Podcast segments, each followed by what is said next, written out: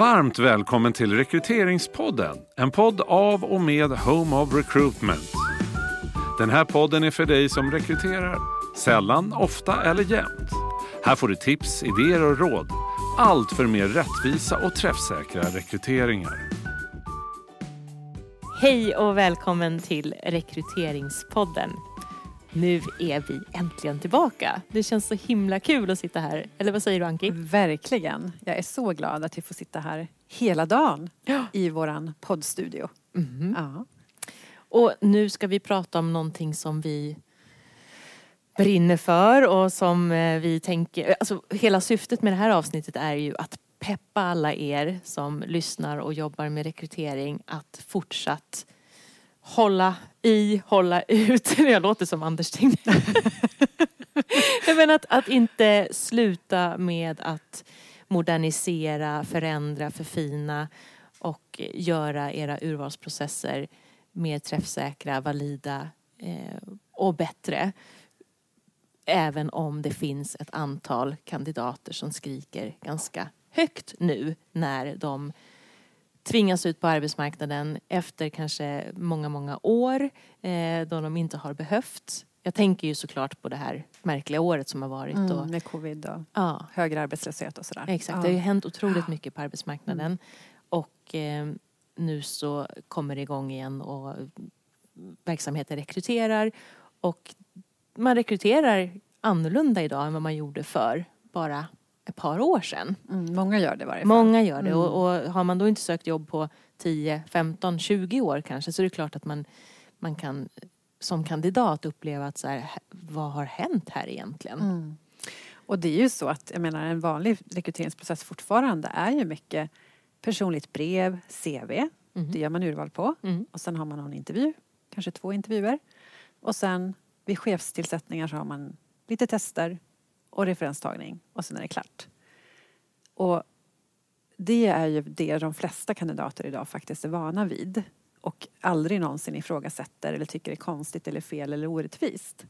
Men bara för att kandidaterna är vana vid det här tillvägagångssättet så betyder det inte att det är rätt. Nej. Tvärtom. Vi vet ju alla att personligt brev ska ju bort ur urvalsprocessen helt och hållet. CV finns det massor av fällor i. Och idag så har vi helt andra metoder som ju tack och lov blir allt vanligare.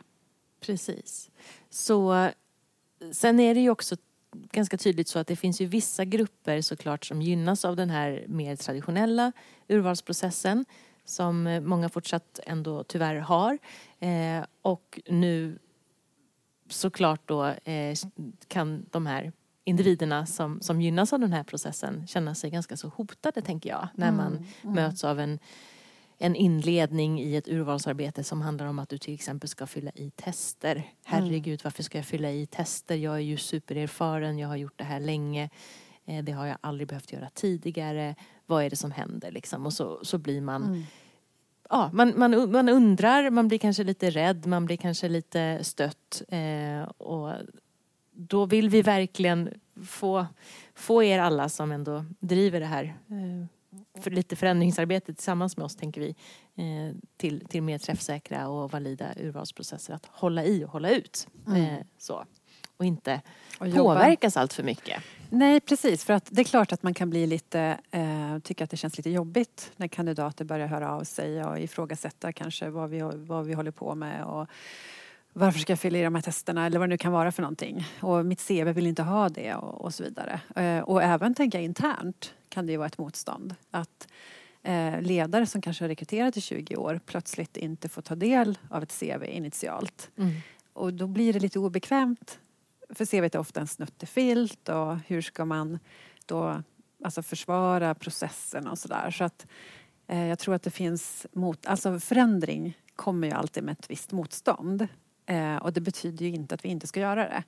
Utan någonstans behöver vi, precis som du säger, fortsätta. Mm. Eh, därför att vi vet vad som, att det här är för kandidaternas bästa, det här är för allas bästa. Eh, och då är det viktigt att vi istället förklarar det. Exakt.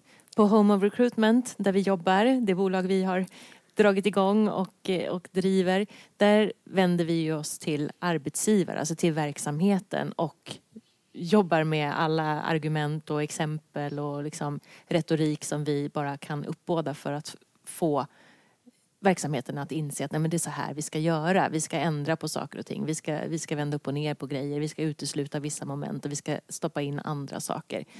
Men vi förstår ju att det i förlängningen innebär att den här verksamheten såklart behöver jobba med samma eh, liksom, typ av förklaringar gentemot kandidaterna då. Mm. Så att jag tror att man måste nog förstå också att man behöver lägga mer tid nu under en period. Vi, vi behöver alla hjälpas åt i att förklara varför vi gör det vi gör. Mm. Vad, det här, vad uppsidan är med att vi gör de här sakerna. Mm. Och också lyfta exempel. Både precis som du säger, både liksom in, inåt i verksamheten, visa på liksom det här är det som vi gjorde en pilot här, titta vad resultatet blev. Eller här har vi en fantastisk medarbetare som vi inte hade lyckats få in i vår verksamhet om vi hade gjort på det där gamla sättet. Men också eh, gentemot kandidaterna verkligen jobba med eh, information och eh, exempel och vara väldigt pedagogiska. Och, ja, jag tror att vi behöver tänka till eh, mm. hur vi formulerar oss och tidigt också. Så mm. att vi slipper eh, hamna i försvarsställning. Mm. Och sen ska vi också säga att det är väldigt många som också förstår och upplever att det här är jättebra. Ja. Det är ju så otroligt många kandidater som upplever att de faktiskt har missgynnats av, av det här liksom traditionella sättet där man tittar på CV och personligt brev. Eh, är du ny i landet? Har du en viss ålder? Eh, har du inte exakt rätt erfarenheter så har du jättesvårt att komma vidare i processen. Och så upptäcker de att när det blir andra urvalsmetoder där kanske inte CV står i centrum utan man fokuserar på andra saker så plötsligt så kommer man fram. Mm. Därför att man är ju egentligen rätt person men det kanske inte syns nödvändigtvis i ett CV. Så att vi, vi har ju också massor av positiva exempel, precis som du är inne på, eh, av att det är ju väldigt många som upplever att äntligen händer det någonting. Mm. Och, eh, vad skönt att eh, den här processen känns jättebra och, och rättvis. Och vad skönt att inte ställer sådana här personliga frågor om hur många barn jag har. För det märker jag ju när jag eh, kommer på intervju och jag berättar att jag har fyra barn. Men jag kommer aldrig vidare. Mm. Alltså, nu är jag inne i intervjusituationen ja, men, men eh, sådana saker upplever ju många även att eh, det missgynnar dem. Att de har ett mm. visst CV till exempel. Mm. Eh, så att det finns ju massor av jättenöjda kandidater där ute också. Men de som hörs och syns kanske mest det är ju de som kanske lägger ut på LinkedIn att nu fick jag göra ett sånt här test igen eller nu fick jag göra det här och, och så vidare. Mm. Och sen så blir det liksom en ganska mycket liv runt det. Mm. Eh, och jag tycker inte att debatten på något vis är fel. Jag tycker det är jättebra att folk liksom ifrågasätter och frågar och undrar och sådär. Men vi måste ju bemöta det. Vi ska ju inte liksom stanna kvar i det gamla bara för att det kanske blir liksom lite obekvämt under en period utan bemöta det och förklara. Mm. För att det är klart att det handlar om att man inte riktigt vet, vilket inte är konstigt. Nej, precis. Mm. Precis så. Och är det så att man önskar lite hjälp med att hitta de här förklaringarna och de här formuleringarna som man kan ha på sina annonser redan eller på sin webb, på mm. sin karriärsida eller som man på, på HR-avdelningen kan, kan liksom lära in så man vet hur ska vi verkligen eh, beskriva eh, för kandidaterna vad vi gör och varför vi gör det vi gör. Precis. Så kan man ju höra av sig till oss, eller hur? Ja, mm. definitivt. Homerecruitment.se till exempel kan man gå in på hitta våra kontaktuppgifter. Exakt, exakt. Nej men så att syftet med, med det här uh, avsnittet var pepp helt enkelt. Ja. Uh, håll, håll i, håll ut och, och kämpa vidare och, och kandidaterna de absolut, absolut flesta, precis som du säger Anki, de är ju otroligt tacksamma och, och verkligen uppskattar det här. Mm. Men det finns ju några som syns och hörs ja. extra, extra mycket och de, de ska vi inte kanske... Vi ska ju lyssna på dem för det betyder ju mm. att, att vi, vi har... Vi har gjort något galet i att vi kanske inte informerat riktigt, tillräckligt. Nej, exakt. Mm. Så det ska vi ju lyssna på. Men vi mm. ska inte lyssna så mycket att vi ändrar, ändrar oss. Nej, nej. Precis. Bra!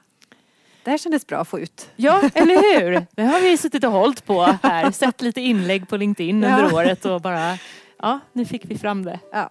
Bra! Bra! Hoppas vi hörs eh, nästa om två veckor igen helt enkelt. Bra. Tack för idag. Tack för idag. Hej då. Du har hört en podd av Home of Recruitment. Om du vill komma i kontakt med oss, skicka ett mejl till info at homeofrecruitment.se. Podden är producerad av Septemberfilm.